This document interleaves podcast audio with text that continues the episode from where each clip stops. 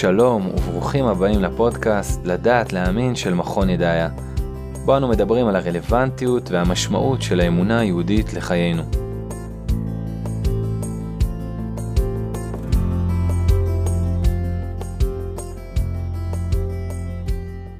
הסופר היהודי-אמריקאי מילטון הימלפרב כתב פעם בגילוי לב את הדברים הבאים: כל יהודי בפני עצמו יודע שהוא רגיל בתכלית, אולם בהסתכלות כוללת דומה שאנו מעורבים בדברים מופלאים וחסרי פשר. מספר היהודים בעולם קטן מטעות סטטיסטית במפקד האוכלוסין הסיני, כך הוא כתב. ואף על פי כן הוא המשיך, אנו ממשיכים לחרוג מגודלנו המספרי. דברים גדולים, כך נדמה, קורים סביבנו ולנו.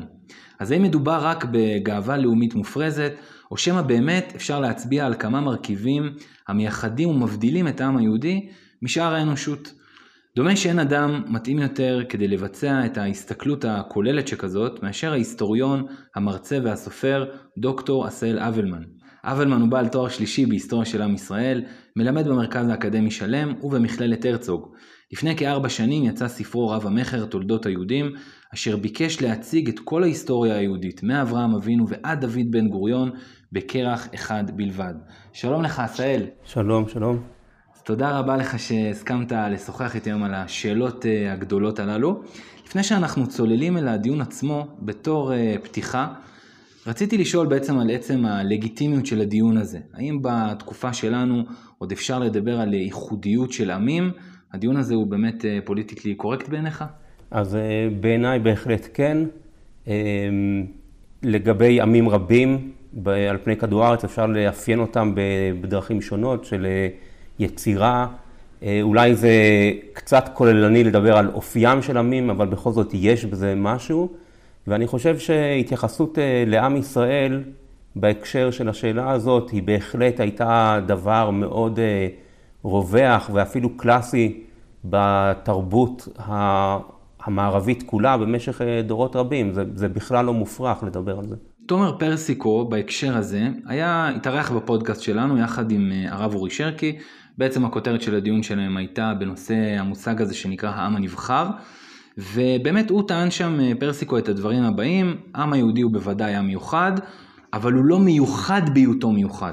זאת אומרת, יש באמת הרבה עמים שתרמו לאנושות אה, דברים אה, מופלאים, ההודים, האנגלים, הסינים, הצרפתים, כל אחד באמת תרם איזה משהו לפסיפס האנושי הגדול הזה. היכן לדעתך כהיסטוריון עשוי לעבור הגבול בין עם, עוד עם מיוחד, כמו ששאר העמים הם מיוחדים, אה, לבין עם שהייחודיות שלו היא חורגת באופן מהותי מכללי ההיסטוריה אה, של האנושות, ולכן הוא גם ראוי לציון ולהגדרה מיוחדת במינה. אה, אני מסכים עם תומר שבוודאי העולם הוא מגוון ויש את הצד ההודי של העולם, הצד הסיני וכולי וכולי, וזה גם דבר יפה להיות פתוח בצורה מקסימלית לכל מה שהעמים והתרבויות האלה אה, מביאים איתם. אנחנו רוצים ש... בתור מורה אני יכול להגיד את זה שאני שמח שהתלמידים, יש להם חלונות פתוחים לעולם הרחב, אבל אולי נחזור לנקודה הזאת במרוצת השיחה בינינו. אה, אני, כן חשוב להביא פה את הנקודה הזו, שזו עמדה תרבותית ואינטלקטואלית אה, ראויה שנשענת על יסודות יציבים, אה, שעל פיה יש משהו אה, מיוחד בתולדות עם ישראל שראוי אה, להתחקות אחריו. יש איזושהי עדנה בשנים האחרונות להיסטוריון האמריקאי וויל דורנט, ראה אור בעברית ספר שלו שנקרא לקחי ההיסטוריה, שבו הוא מסכם עשרות שנים של כתיבה היסטורית אה, ענפה ביותר בעצם על תולדות התרבות המערבית. כתב ביחד עם אשתו, נכון? וויל וארל דורנט. כן, והיא בעצמה הייתה אה, מעם ישראל. ואני מקריא ממש ככה מכמה שורות של דורנט, הוא אומר, אה, ירושלים שנחרבה ונבנתה, נחרבה ונבנתה, שבה וקמה לתחייה, סמל חיותו והתמדתו של עם גיבור, ישראל זה העם שימיו כימי דברי הימים, אולי יארכו ימיו כימי התרבות. אז אה, אם אה, לדורנט זה היה בסדר לכתוב את המשפטים האלה, אז אה, אני חושב שפשוט אפשר להתיישב באזור הזה של החשיבה האינטלקטואלית, ולהרגיש שם בנוח, ולא להרגיש צורך להתנצל. אז לקראת סוף השיחה, אני אשמח באמת שאנחנו נחזור אולי ונעמוד עוד יותר ביתר שאת על הנקודה הזאת, אבל בינתיים בואו נצא למסע. Uh, ברשותך, אתה תוכל לזכור בראשי פרקים, מהם המרכיבים שעם ישראל מתייחד בהם לשיטתך?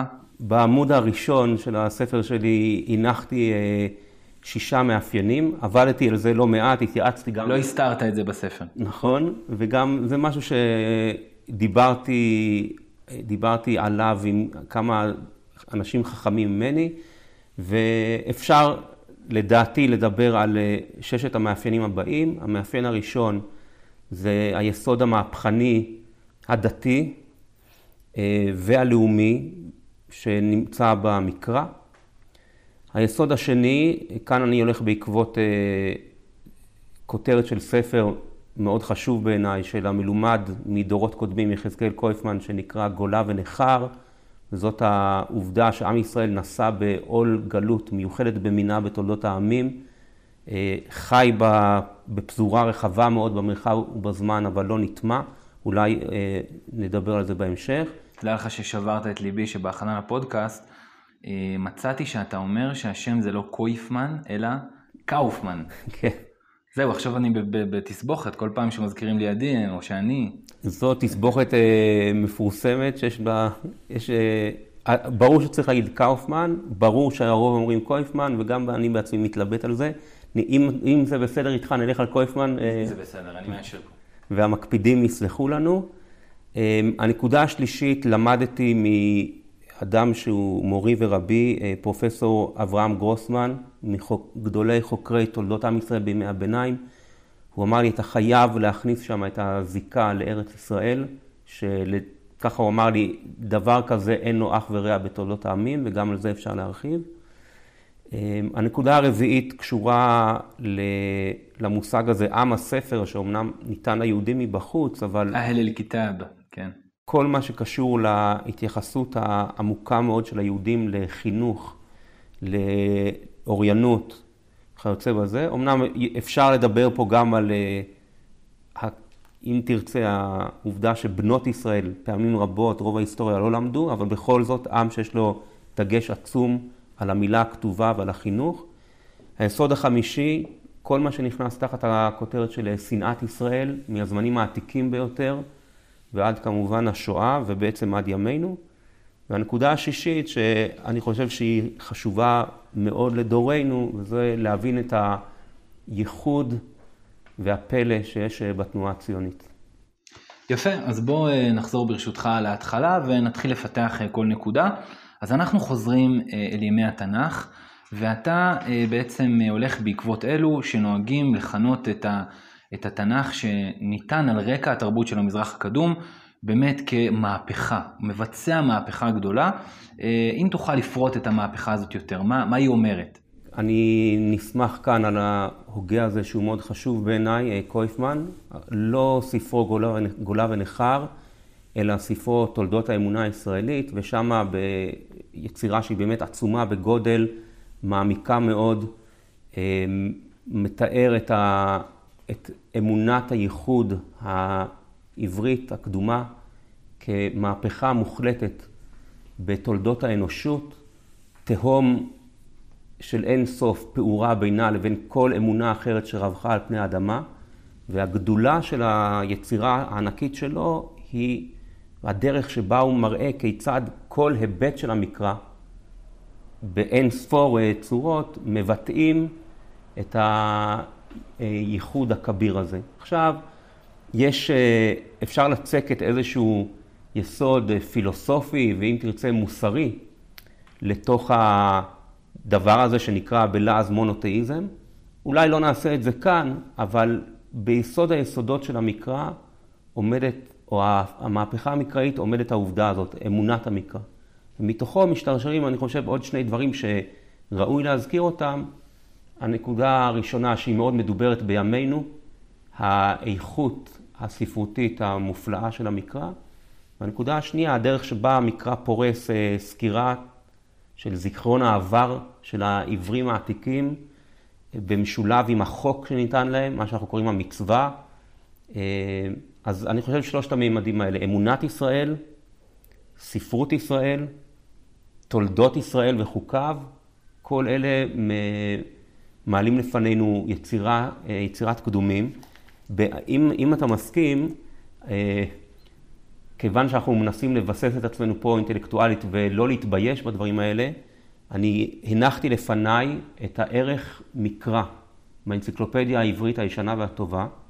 כתב אותה, את, ה, את תחילת הערך הזה כתב מלומד מהאוניברס, מאוניברסיטת תל אביב בשם יהושע מאיר גרינץ, אז אני מקריא, מקרא, ספר הספרים המקודש של עם ישראל, והמקור העיקרי לתולדותיו, לדתו, לאמונותיו, למצוותיו ולתרבותו, מן הספרים הקדומים ביותר בתרבות העולם, שהפך גם למצען של שתי דתות גדולות אחרות, הנצרות והאסלאם, והיה למקור השראה ראשון במעלה ליצירה בתחומי הרוח ובאמנויות. אז זה מובן מאליו, אבל צריך להגיד את המובן מאליו תמיד, כמו שאמרו חכמינו קדמונים. המקרא הוא מגדולי היצירות של תרבות העולם, הוא השפיע על מאות מיליוני בני אדם, והוא שלנו, הוא עברי, הוא ארץ ישראלי, והוא של עם ישראל. נהוג לדבר גם על המהפכה המוסרית שהזכרת אותה בין בתרי דבריך, לגבי ההבחנה שכל אדם הוא בעצם נברא בצלם, וזה השורש של הרבה מאוד מהפכות של זכויות אדם שעוד יגיעו בעצם בהמשך במערב. אתה שותף להבחנה הזאתי? כן, אני מודה שזה לא תחום ההתמחות שלי, ההבחנות הללו שקושרות בין... אה, היסטוריה של הרעיונות כאלה בקווים ארוכים. כן, אה, אבל אם נאמר את זה בצורה מאוד כוללנית, והם טובים וחכמים ממני, ממני יפתחו את זה בפודקאסט אחר שלך, יש קשר עמוק בין אמונת הייחוד וההתייחסות אל האדם, כמו שהוא מסתובב על פני תבל, לבין אמונת האלילות והדרך שבה היא מתייחסת לאדם, לרצונותיו ולגורלו.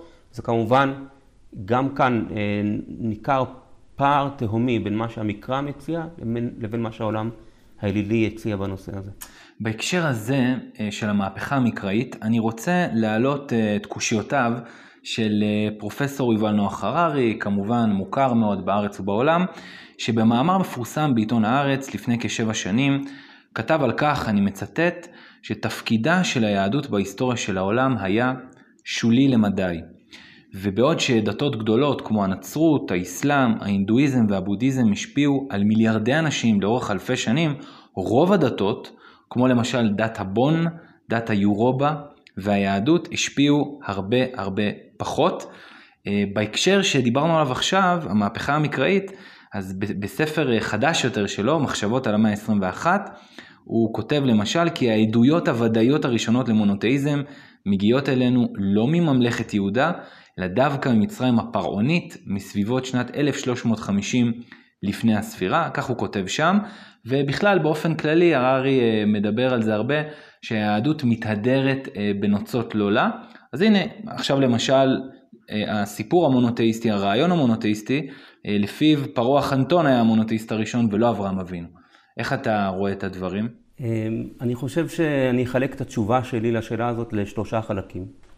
בחלק הראשון, לגבי הטענה הזאת שהעדות הוודאית הראשונה למונותאיזם באה ממצרים, אז זה כמובן דבר מאוד מאוד ישן, הוא נשמע בביקורת המקרא אה, מאה שנים ויותר. אני פשוט מצטט מתולדות האמונה הישראלית של קויפמן.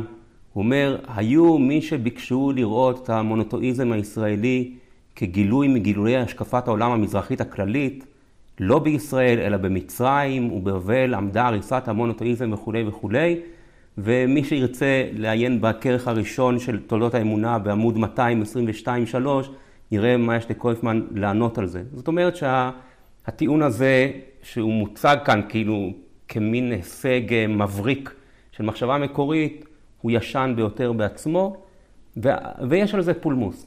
אז זאת נקודה ראשונה. אה, כמובן, אני מזדהה הרבה יותר עם הטיעונים ששוללים את המונותאיזם ממצרים הפרעונית. כנראה שיש שם מידה הרבה יותר גדולה של אליליות דווקא, והמקרא מציג עמדה הרבה יותר בוטחת ונחרצת לגבי אמונת הייחוד, אבל הוויכוח הזה התנהל תמיד.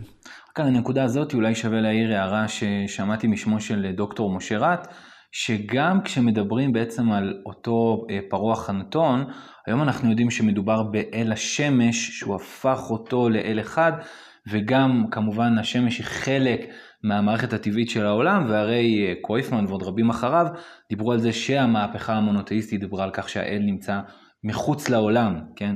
העולם מקבל מסגרת רציונלית וכולי וכולי. אז אה, רק היה חשוב לי להזכיר את זה. ואתה, ואתה צודק לגמרי.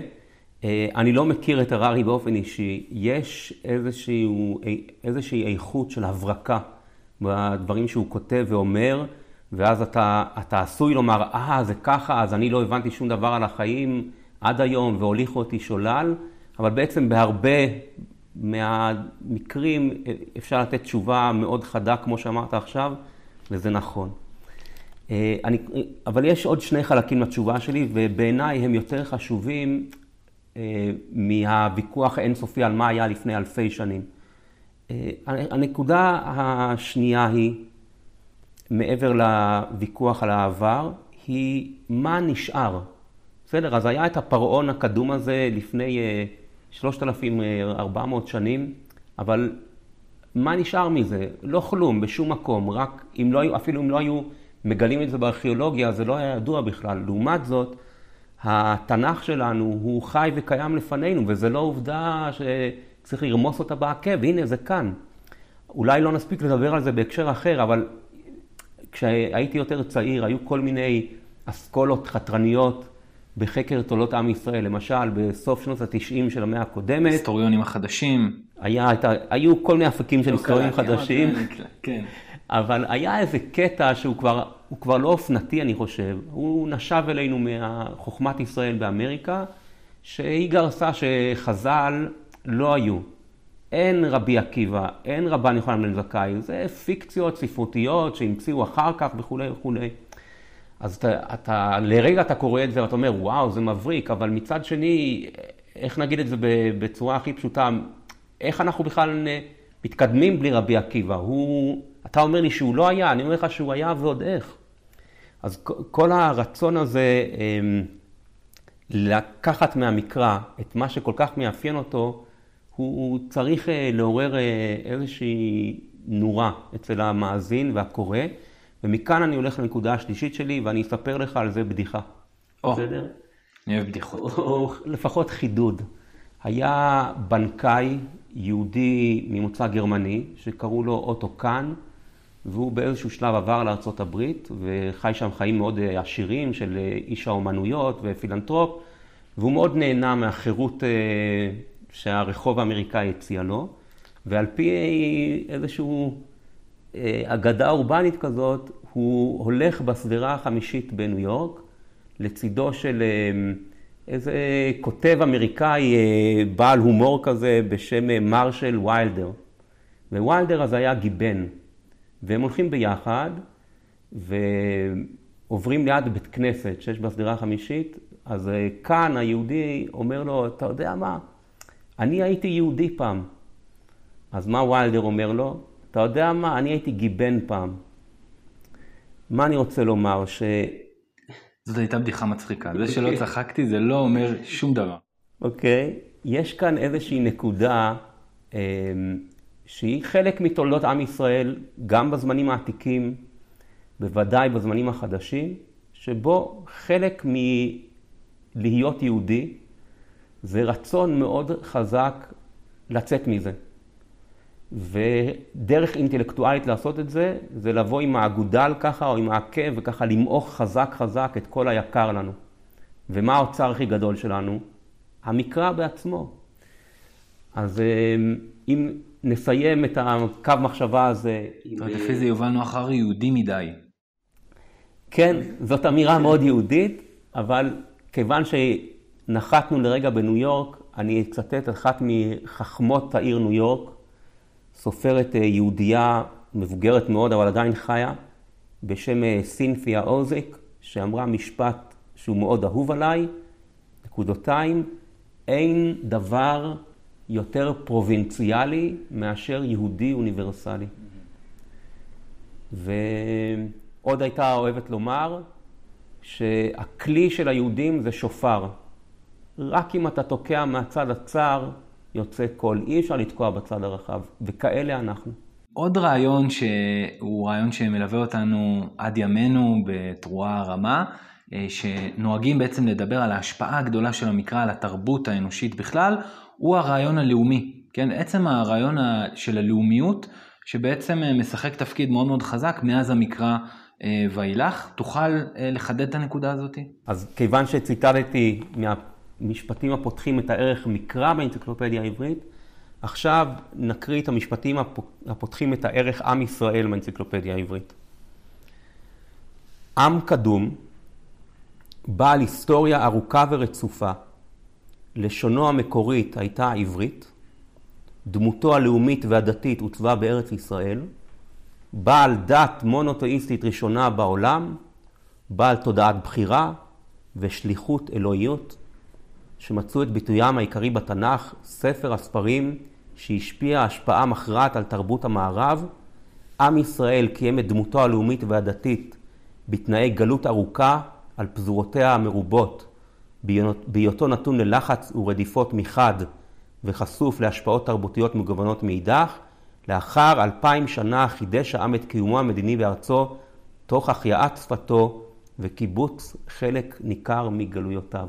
וואו. יפה? זה חלק מנאום לכנסת. כשיבחרו בי אז אני כן. אקח מכאן. וזה רק ערך באנציקלופדיה העברית. כן. אז אני אומר לכל מי, כל מי שמאזין לנו, בימינו אנשים לוקחים את האנציקלופדיה העברית ושמים אותה בארגזים ברחוב ירושלמי, תל אביבי וחיפאי, מופקרים לפגעי מזג האוויר. אני אומר, מי שיכול, שייקח הביתה, כי יש פה הרבה דברים יפים. זהו, אני תמיד לוקח הביתה, ואז אשתי אומר לי, מה אתה עושה? אז הנקודה הבאה שאנחנו רוצים אה, לדבר עליה, שאתה ציינת קודם, אה, זה בעצם עול הגלות שעם ישראל אה, לקח על עצמו, או נלקח אליה, וחוסר ההיטמעות של העם היהודי בעמים. מה כל כך מיוחד בזה? קודם כל זו תופעה ייחודית בהיסטוריה. בואו ננסה לתמצת את זה ממש בכמה משפטים. יציאת עמים מארצותיהם מרצון או בכפייה היא אחד מהחזיונות ה... מוכרים ביותר בתולדות העמים, ובדרך הטבע עמים נודדים יכולים לעשות אה, שני דברים עיקריים. דבר ראשון זה להגיע לאיזשהו אזור ולהנחיל שם בצורה מאוד אינטנסיבית את אה, לשונם, את דתם ואת תרבותם. תחשוב על הפיניקים בקרתגו, או על הבריטים באוסטרליה. לפעמים זה גם נעשה בכוח הזרוע. מגיעים למקום, רואים בו נחלה חדשה, אפילו מחסלים את המקומיים ומביאים לאוסטרליה את האנגלית. זה קורה. אפשרות אחרת שהיא הרבה יותר רווחת, והייתי אומר שכל ההיסטוריה של אירופה בעצם עשויה מהחומר הזה, של עמים שמגיעים למקומות חדשים, משאירים איזשהו חותם, אבל במידה הרבה יותר גדולה סופגים את מה שהיה שם, וברבות הזמן הם הופכים למעין הוויות חדשות. מה שמאפיין את תולדות עם ישראל, מגלות בית ראשון.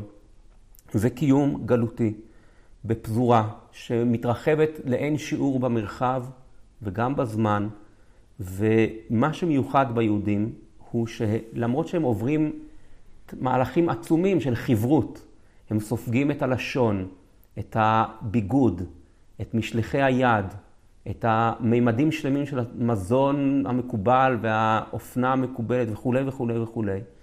אבל הם נשארים יהודים.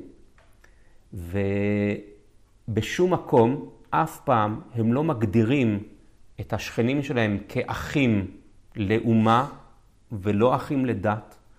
בשום מקום הם לא רואים את האדמה שתחת רגליהם כאדמת המולדת שלהם, והם נשארים לעצמם, למרות שכל התנאים היו אמורים לגרום להם להיעלם. אז עצם העובדה הזאת היא פשוט מיוחדת. מניין היא יונקת? לדעתי, היא יונקת מאותם יסודות שמנינו במהפכה המקראית. אמונת ישראל, זיקה לתולדות ישראל וזיקה לחוקי ישראל. מה שאנחנו קוראים במקרא מצווה, ומה שקוראים אחר כך הלכה. אז מה שאני רוצה לומר כאן בעצם, שיש קשר עמוק, יציב וגם מופלא בין הייחוד של המקרא לבין הייחוד של השרידות היהודית. אלו דברים שמונחים אחד על גבי השני. יפה, ואז אתה קושר כאן בעצם את ההמשכיות הזאתי. אה, עוד פעם, אני כאן שליחו, אני נציגו כאן של יובל נוח הררי, בסדר? אה, הוא יביא לי אחוזים אחר כך מקיצור תולדות האנושות, המהדורה החדשה. אה, הוא העלה בכמה מה... מה... בהרצאה אינטרנטית, הוא העלה את הטענה שאין לעם ישראל מה להתפאר בזה שהוא שרד אה, את כל השנים האלו בגלות. גם הסינים למשל קיימים אלפי שנים עם תרבות ייחודית, ובהיבט הזה גם אנחנו לא כך יכולים להתפאר, זה לא משהו שאנחנו לקחת ולהגיד הנה made in Israel. טוב, אז לגופה של טענה, ברור שהתרבות הסינית היא קדומה ועתיקה, והיא אפילו דומה קצת לתרבות שלנו.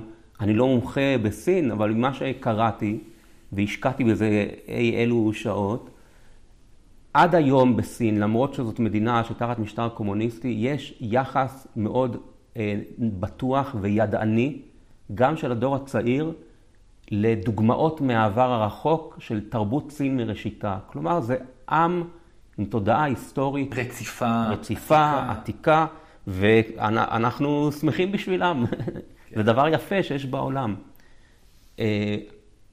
אם אני, אם אני אומר נכון, אני מקווה שאני לא טועה, המשמעות של להיות סיני בסין זה להיות במרכז העולם. והשוני בין תולדות עם ישראל לבין תולדות סין, זה העובדה שהסינים ישבו על אדמתם והיהודים לא ישבו על אדמתם, ולכן יש משהו מיוחד בסיפור ההיסטורי שלהם. לגופו של אדם, אני לא אומר את זה דווקא מצד המריר או העוקצני, אני אומר בצורה מאוד בטוחה. חלק מהחוויה היהודית המודרנית זה להיות אינטלקטואל יהודי מודרני, שהמאמץ האינטלקטואלי שלו מופנה בין היתר לרצון להשיל מעליו את מה שכאן אה, דיבר עליו. הייתי פעם כזה, אני לא רוצה להיות כזה. זה, זה מאוד מוכר, זה מובן, זה גם נוגע ללב, אפשר להבין את זה, אבל לא חייבים להתמכר לזה. כלומר, זה לא, זה, איך נגיד את זה בבוטות? זו לא השורה התחתונה של כל הדברים. עכשיו, האם צריך להיות גאה בזה? איך אני אגיד את זה? בהמנון הלאומי שלנו יש נפש יהודית הומייה, אז היא, אני מנחש שהיא גאה בזה. אם זה לא נוח לך, אני גם יכול להבין את זה. טוב, בסדר גמור, אז אנחנו uh, כרגע ננסה שלא להתמכר. Uh, יש רבים שמציינים שלא רק שהיהודים הם לא נטמעו, אלא הם באמת גם uh, השפיעו. זאת אומרת, הייתה להם נוכחות חזקה מאוד, עקיפה או גלויה, בתוך התרבויות שבהם הם ישבו. Uh, רות וייס, הוגה שאתה מציין בתור מישהי שהשפיעה עליך עמוקות בתחילת הספר שלך, תולדות היהודים, אז היא למשל טוענת שהרבה מהמאפיינים uh, של רעיון החירות שהמערב ינק, הוא בעצם למעשה ינק אותם מהמבנים של ה... הקהילה היהודית וגם מההשפעה של יהודים בכלל. איך אתה מתייחס לרעיון הזה? זה רעיון שהוא מאוד חזק בוודאי בעולם האנגלו-אמריקאי, אה, מהפילושמיות האנגלית שמושכת עוד אל המאות ה-16 וה-17, בוודאי מאוד נוכח בארצות הברית. אה, ברור שיש בזה משהו. אה, אם נלך עוד פעם אל המקרא ונאחז בו, דרך הצינור של הדת הנוצרית, הסיפורי התנ"ך עברו לאירופה, לא רק לחלקים המערביים שלה, אלא גם ליסודות של אוקראינה של ימינו וממלכת רוס הקדומה. הבריות שם התנצרו איפשהו סביב שנת אלף, וכתבי הקודש שעמדו לפניהם הם התנ"ך, והם ידעו הכל על, על בית דוד, על מלוכתו על בניו שמרדו בו, על אבשלום ואדוניה בן חגית ושלמה המלך ובית המקדש, והדברים האלה היו עבורם מודל כלשהו למחשבה פוליטית. אה, במערכת החינוך המלכותית באנגליה, זה, ידעו את מלכי ישראל ויהודה בשינון, לא את מלכי אנגליה. קארל הגדול בעצם ראה את עצמו בתור ממשיכו של דוד המלך, הפילוסוף הלוחם, כן? בלי ספק. הדבר הזה נמצא גם באופן מאוד מעניין בתרבות האתיופית הקדומה, אמ, ומשם זה עבר אפילו לאיים הקריביים, כל הדימוי הזה של גור הרי יהודה וציפיית המשיח של עם ישראל וקיבוץ גלויות, הדברים האלה בלי ספק זורמים באין ספור אפיקים גלויים ונסתרים בתרבות המערבית. זה נכון, פחות בתרבות האסייתית, אבל עם הפנים למערב, דרך הצנרת של הדת הנוצרית ושל האסלאם, יש פה נוכחות מאוד גדולה. ושוב, אני, אני לא רוצה לדבר על זה באריכות, זה לא המקצוע הראשי שלי, אבל לטעון שיסודות, חלק מיסודות החירות המערבית, הרעיונות, הגישות, נובעות מהבנת המקרא והתייחסות אליו, נראה לי שאין על זה, אי אפשר לחלוק על זה, ברור שזה קיים בתרבות. יפה. אמ, אז אנחנו מגיעים, אה, צועדים בעצם אל הדבר הנוסף שאתה ציינת, הזיקה לארץ ישראל. אמ, אנחנו מכירים עמים רבים שיש להם תביעה לחבלי ארץ, כן?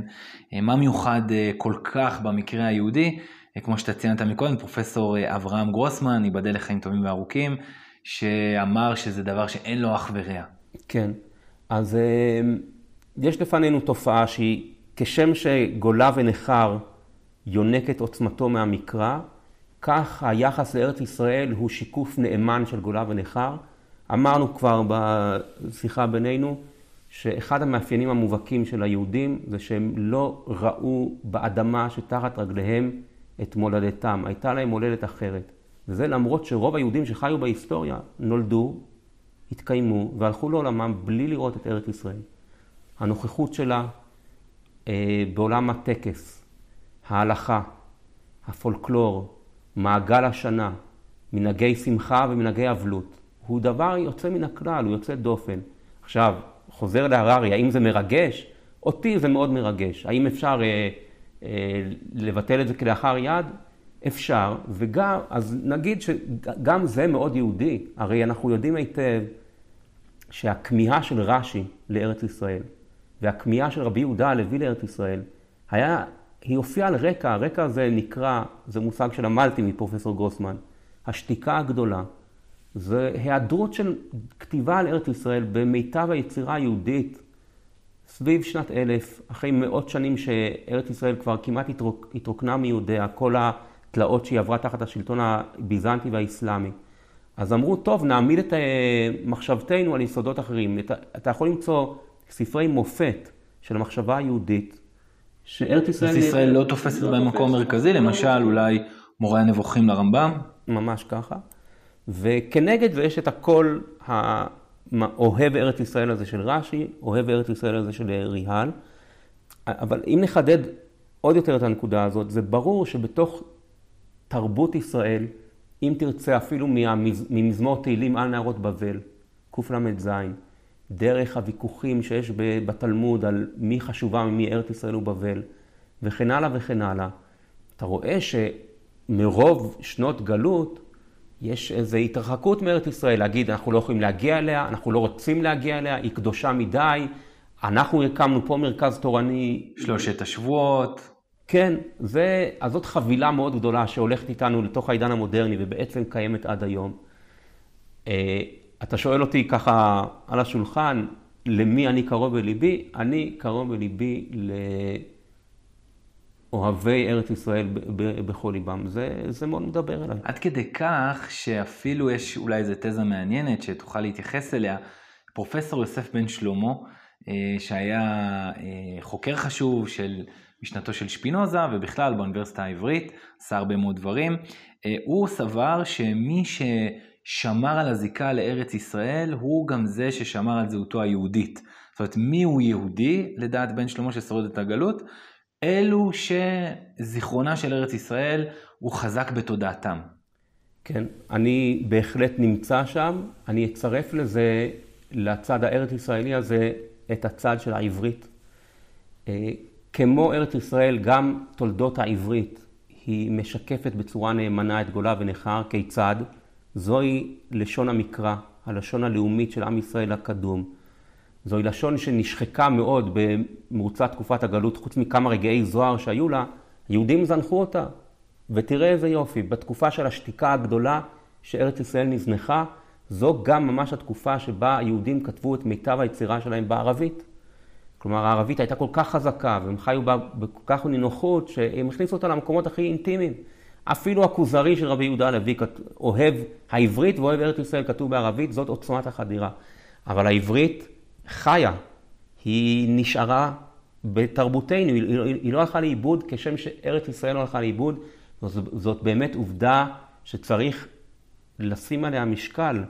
התרבויות היהודיות הגדולות שזנחו את העברית וכתבו יצירות בלשונות שהקיפו אותם, בין אם זה היוונית באלכסנדריה או הערבית בצפון אפריקה, מה שלא תורגם לעברית לא שרד. לכן ה... לא צריך להציג פה את תולדות עם ישראל בצורה הרמונית, חפה מוויכוחים. אדרבה, יש ויכוחים, אבל אם יש ויכוח, טוב לנקוט אה, צד. אז כמו שאתה מבין, ומי שמאזין מבין, בלי להתבייש ובלי להתנצל, בשבילי הזיקה הארץ-ישראלית והזיקה העברית אה, הם המקומות שהלב שלי נמשך. אפרופו התחלת לדבר על תחיית השפה, אה, ובאמת גם כתבת על זה ספר אה, ממש טרי, יחד עם חנוך גמליאל, על השפה העברית, נכון, זה נקרא מכל הלשונות. גם פה אנחנו יכולים לראות איזשהו מאפיין, לדעתי שהוא מאוד מאוד מיוחד. פעם שמעתי אינטלקטואל רוסי, שאמר ככה במרירות שהיום הרבה מאוד uh, מהנוער הרוסי שכבר קורא, קשה לו מאוד מאוד מאוד לקרוא אפילו את טולסטוי מבחינת הבנת השפה, הבנת המילים. כשאתה פוגש היום אה, סטודנטים שאתה יודע, אולי זה לא קורה מספיק, שהם פותחים תנ"ך וקוראים, אבל uh, אם, אם כבר קוראים, הם מבינים, יש כאן איזשהו פלא, אני חושב, ברמה האוניברסלית. בלי ספק, בפשטות, כן, עוד פעם, דברי הררי מרחפים מעלינו. אבל, אבל בוא, בוא נגיד את זה, אמ, ש... יציאת עמים מארצותיהם היא חיזיון נפוץ בעולם. שיבת עם לארצו אחרי אלפיים שנות גלות הייתה רק בעם ישראל. ותחיית לשונו העתיקה להיות לשון מדוברת, גם זה אירע רק בעם ישראל. אז בסדר, עם ישראל הוא לא העם המיוחד היחיד בעולם, אבל לנגד עינינו, במרחק לא עצום מאיתנו, עומדים דברים אה, נפלאים. אז הרצון העז להמעיט בערכם, שוב, הוא מובן לי, אבל לא חייבים לציית לזה. תחיית העברית, היכולת של נער או נערה ישראלים בימינו לקרוא פרק יפה בשמואל ב', בפשטות. לי יש שם אפילו שימושים במטבעות לשון שממש מוכרים לנו יפה, יפה מהעברית של עכשיו. זה, זה דבר מופלא. ב, זה לא... צריך לחפש טוב איפה זה עוד נמצא בעמי התרבות. אז אנחנו עדיין תחת הזיקה אה, לארץ, ואחד הפרקים המעניינים ביותר שתפסו אותי, וכבר ארבע שנים מאז שיצא הספר שלך, אני חוזר שוב ושוב ושוב לפרק הזה, וגם לימדתי אותו בהזדמנויות שונות, אה, השתמשתי במקורות ממנו, זה הפרק שמדבר בעצם על מרד החשמונאים וההשלכות האוניברסליות שלו. אה, ברשותך אני אקרא כאן דברים שמובאים בספר של אה, אחד מגדולי ההיסטוריונים בתולדות ישראל, בצלאל סיסיל רוס, כתב את הדברים הבאים על מרד החשמונאים. היה זה אחד המאורעות המכריעים בתולדות האנושות. מעולם לא היו הבריות משוכנעים קודם לכן, כאשר היו באותה שעה, כי רעיון הוא משהו שכדאי ללחום עליו ולמות למענו.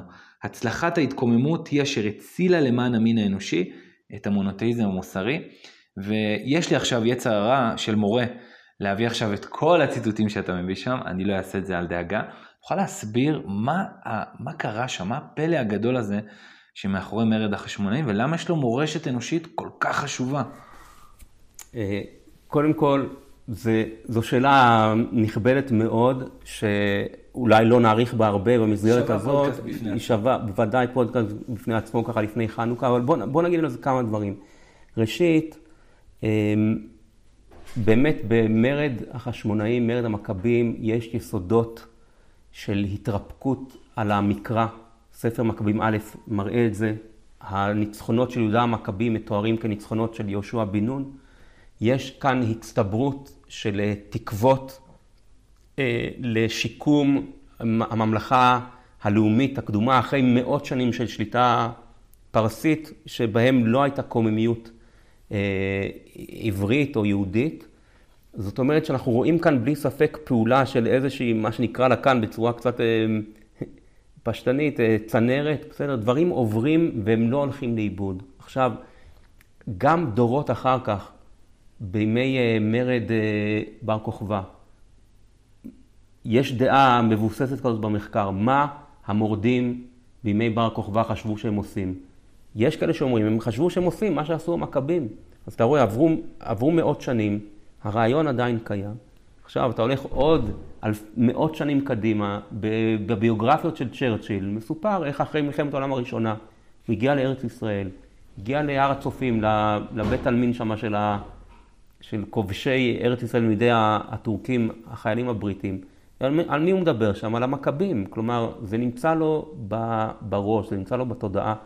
זה סיפור אה, של עמידה נחרצת של עם קטן נגד אה, כובש שמצטייר אצלו כ, כמי שמנסה לחבל לו בנכסי הרוח והנשמה שלו.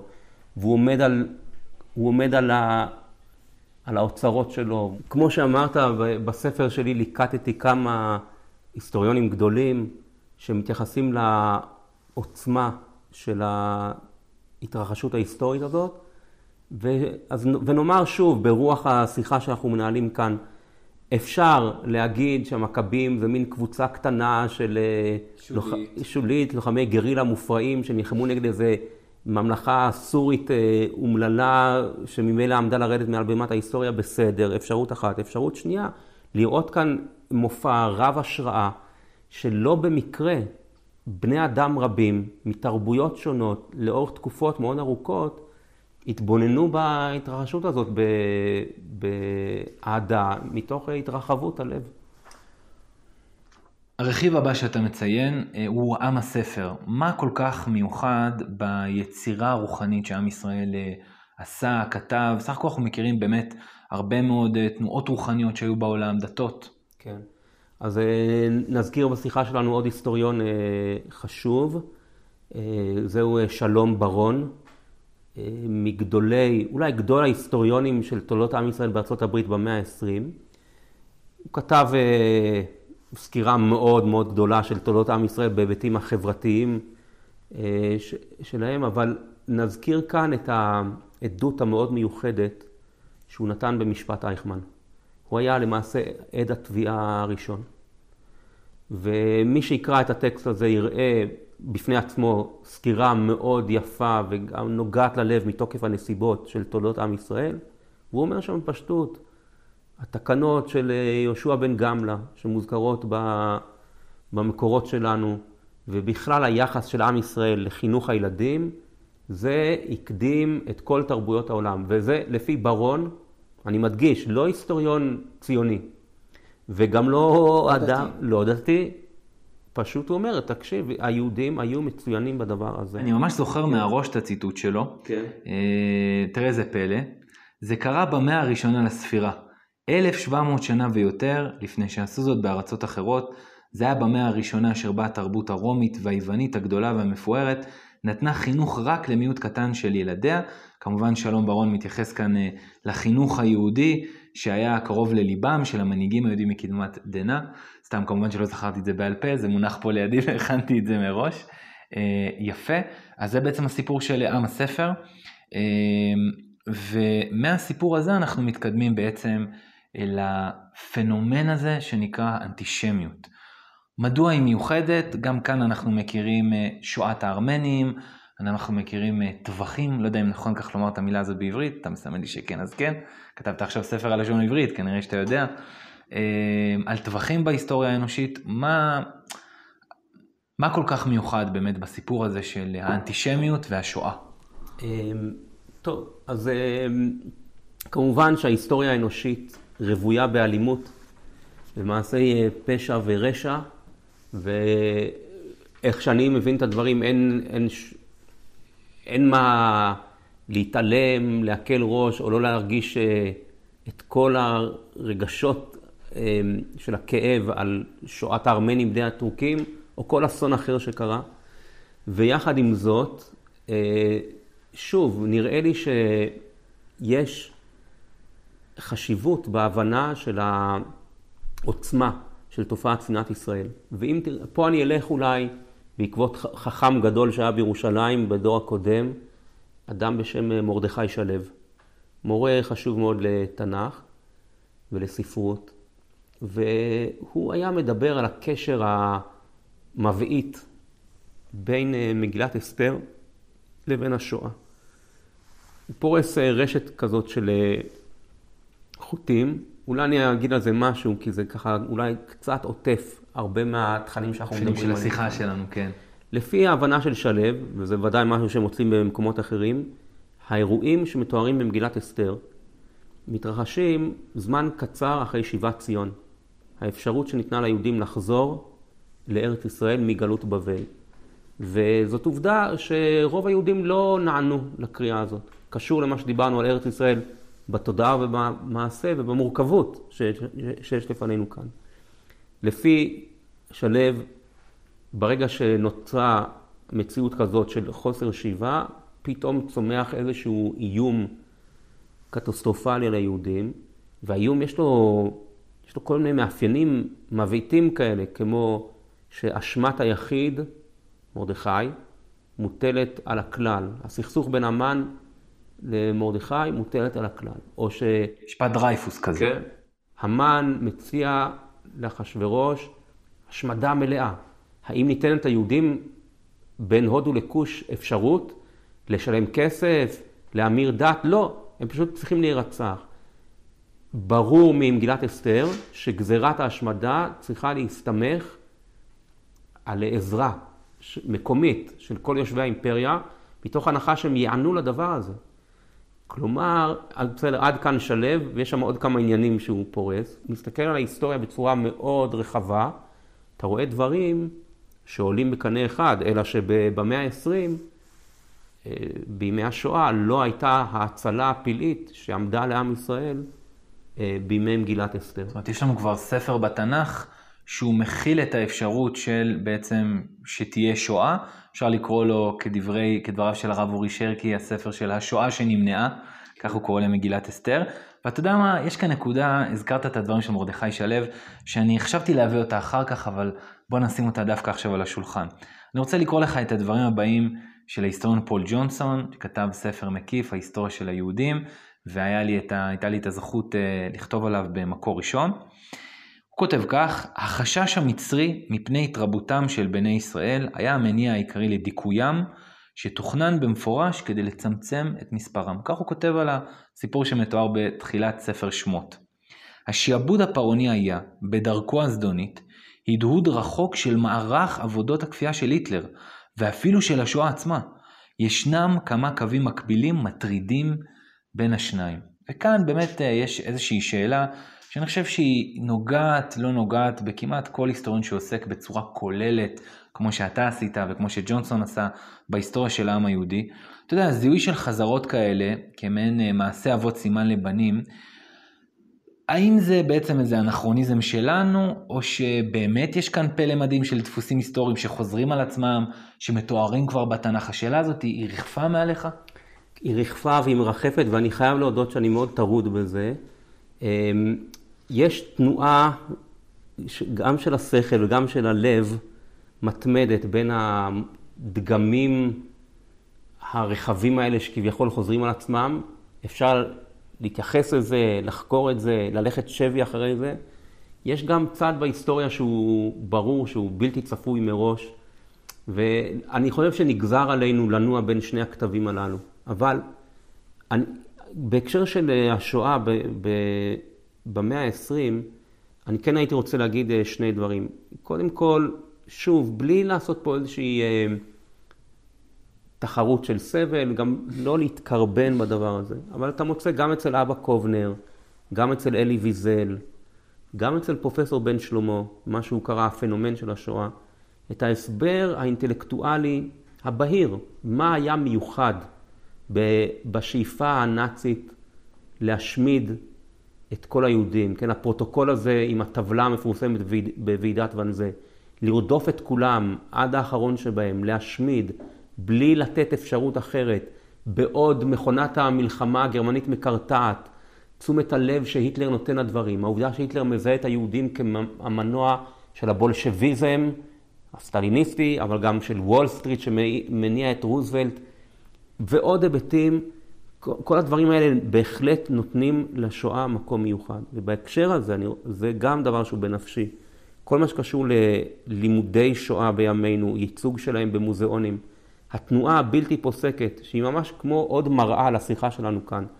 הרצון בספר, בסרט ובמוזיאון לקחת את השואה או למקום מאוד אוניברסלי, תחת הכותרת של ג'נוסייד, שהיה פעמים רבות במאה ה-20, או המקום המאוד אינדיבידואלי, עם הפנייה המאוד חזקה הזאת אה, לדמות של הילדה אנה פרנק, לא, אני לא רוצה להגיד שום דבר אה, על היומן הזה לרעה, חלילה חלילה, אבל להעמיד את כל מה שקרה על המקרה היחיד, כאילו שמישהו הזיק לאחר בלי הקשר, ובתווך עוד פעם, הסוגיה הלאומית, שהיא ממש נאבקת על קיומה מול הצד האוניברסלי והצד האינדיבידואלי, גם זה משהו שאדם שעיניו בראשו, ראוי שייתן לזה את הדעת.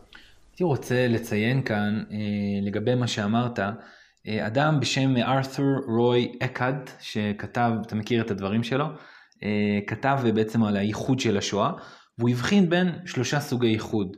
בין יוניקנס, כן, ייחוד רגיל, נעשה קצת שיעור באנגלית, כמו הייחוד שיש לכל עם ולכל אדם באסונות שקורים, יש אסונות uh, בעצם דומים בעולם, יוניק יוניקנס, ייחודיות שאין כמותה, שזה בעצם השואה, היא, היא נראית שם בעוד כל מיני, באמת שואת הארמנים וכל מיני אסונות באמת באמת גדולים, אבל הוא נותן עוד איזושהי קטגוריה שהוא מייחד אותה לשואה, כל ה-transcendent uniqueness, ייחודיות שמעבר.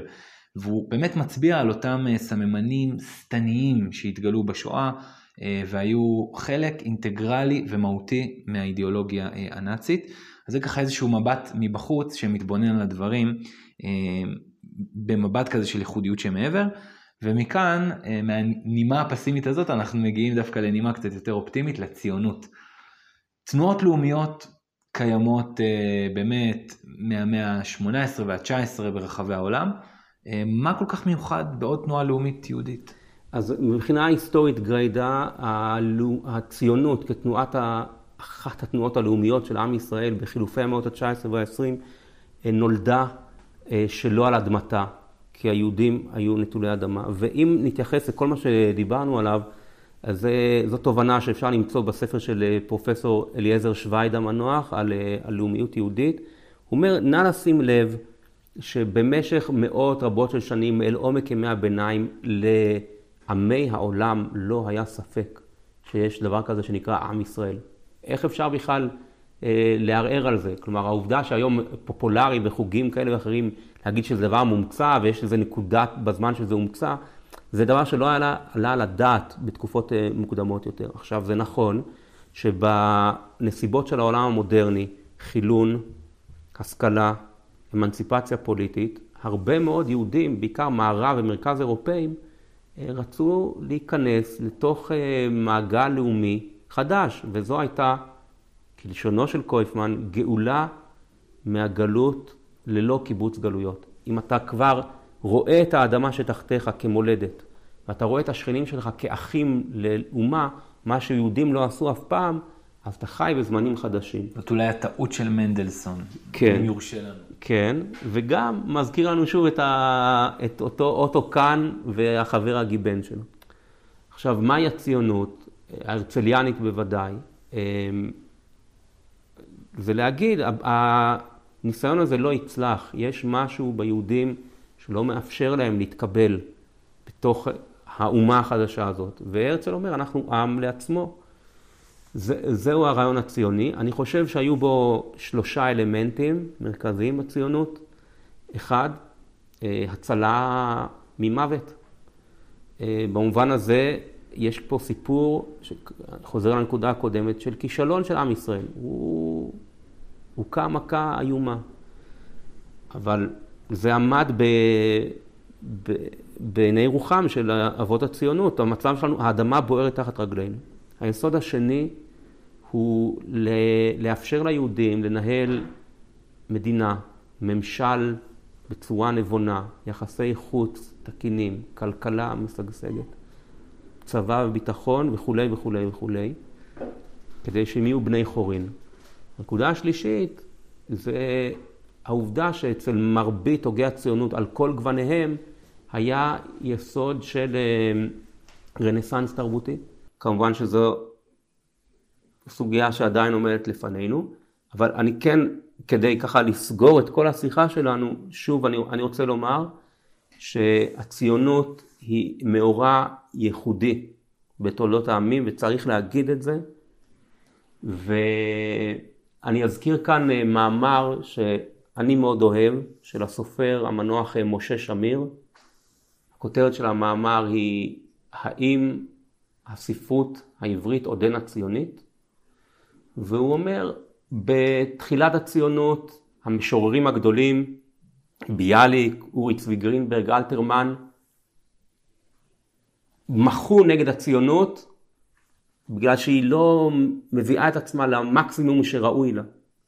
ואז הוא מתאר שעם איזושהי נקודה בזמן, לפני כמה עשורים, התרבות העברית, הספרות, השירה, הם בעצם מבצעים מהלך מתמיד של הסתלקות מהציונות.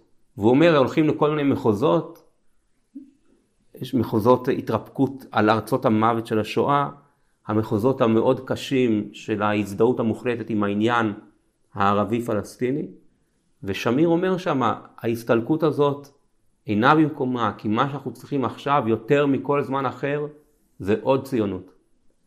וגם זה מאוד מדבר אליי. יפה. אני רוצה להקריא לך דברים של אחד מההוגים החשובים של המהפכה הרוסית, ניקולאי ברדייב, אה, שבתחילת ימיו היה אדם, אה, ימיו האינטלקטואליים, היה בעצם אה, מטריאליסט, והאמין שכוחות החומר מנהלים את העולם. אז הוא כותב ככה: זכורני בצעירותי שניסיתי לאמץ את הפרשנות המטריאליסטית של ההיסטוריה באמצעות יישומה לגורלותיהם של עמים, וכיצד התנפצה במקרה היהודי. שדומה כי גורלם, גורלם של היהודים, לא ניתן כלל להסבר מנקודת ראות מטריאליסטית. הישרדותם היא תופעה מסתורית ומופלאה, המוכיחה כי חייו של העם הזה נשלטים מכוח החלטה ייחודית קבועה מראש, החורגת מתהליכי ההסתגלות שאותה מבארת הפרשנות המטריאליסטית של ההיסטוריה.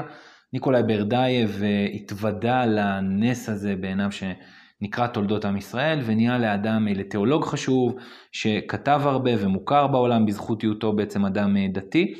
היסטוריונים, הוגי דעות, הביטו על ההיסטוריה של עם ישראל באמת בפליאה, בהיבט הזה ניקולאי ברדייב הוא דוגמה לכך, שגם הובילה אותם לאמונה באלוהים, או אם תרצה בכוח שמעל הטבע. אה, וכאן השאלה שלי אליך היא בעצם שאלה כזאת. לפעמים אנחנו נתקלים בחיים באמת בתופעות מרשימות כמו נוף יפה, יצירת אומנות מיוחדת, ויש דברים שעצם החוויה גם גורמת לנו לעבור תהליך של ממש עם עצמנו, כן? אז לאיזה קוטב שייך, שייכת ההיסטוריה של עם ישראל? היא רק תופעה היסטורית מדהימה, שלדעתך יכולה גם להעביר אותנו תהליך שהוא מעבר להשתאות גרדה, כן? כן, טוב, זה, זה בוודאי דברים שמסורים אה, למחשבה וללב של כל, אה, כל אחד בעולם. אה, לי יש על זה מחשבות שהן באופן הכי אישי, אצלי זה מעורר השתאות. אני בחרתי לעסוק בזה. אה, אני, אני אגיד ככה, מה, מה שאני אומר לתלמידים שלי שנה, כל שנה, צריך קודם כל לדעת לפחות בצורה בסיסית, את התחנות המרכזיות של ההיסטוריה הזאת. וקצת יותר עמוק מכך, את התמות הגדולות שפועלות שם, ועל כולם, או על הגדולות שבהן עמדנו כאן. וצריך להכיר את המחלוקות השונות שיש בנושא הזה, ולקרוא על זה הרבה. אחרי שאתה עושה את כל המהלכים הללו של רכישת הידע, והבנה התמטית, והכרת המחלוקות, אתה יכול אה, בצורה יותר מבוססת לנוע בין האפשרות של ההשתאות מול התופעה ההיסטורית, ואם תרצה, לא הייתי אומר לא לשבת על איזה זר דפנה ולהתפעל מזה, אלא לחוש את המידה העצומה של האחריות שאדם יכול לקחת על עצמו לנוכח ההיסטוריה הזאת. ספרך, תולדות היהודים, אה, מסתיים אה, במילותיו של נתן אלתרמן, שכתב אה, לא שב נכתבו ספרים, בטרם קום עיר על חול, לא שב דיברו מורים נהדרים דברי אמונה וחוק. בזה המקום המיועד יהיו נפתלים השניים, עד יהיותם לגוף אחד, חציו עפר, חציו שמיים. אז אה, אני בשיחה הזאת הייתי עפר, אתה היית, אתה אומר הפוך? הבנתי, סימנת לי הפוך. אני הייתי, רציתי כאילו להתחיל בצניעות, אבל אני הייתי השמיים, אתה עפר. אה, דוקטור עשאל אבלמן, תודה רבה לך על שיחה באמת מרתקת. תודה, זה היה לי לעונג.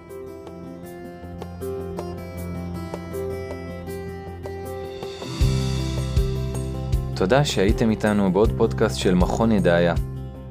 חומרים נוספים ומגוונים תוכלו למצוא באתר שלנו לדעת להאמין ובערוץ היוטיוב של המכון.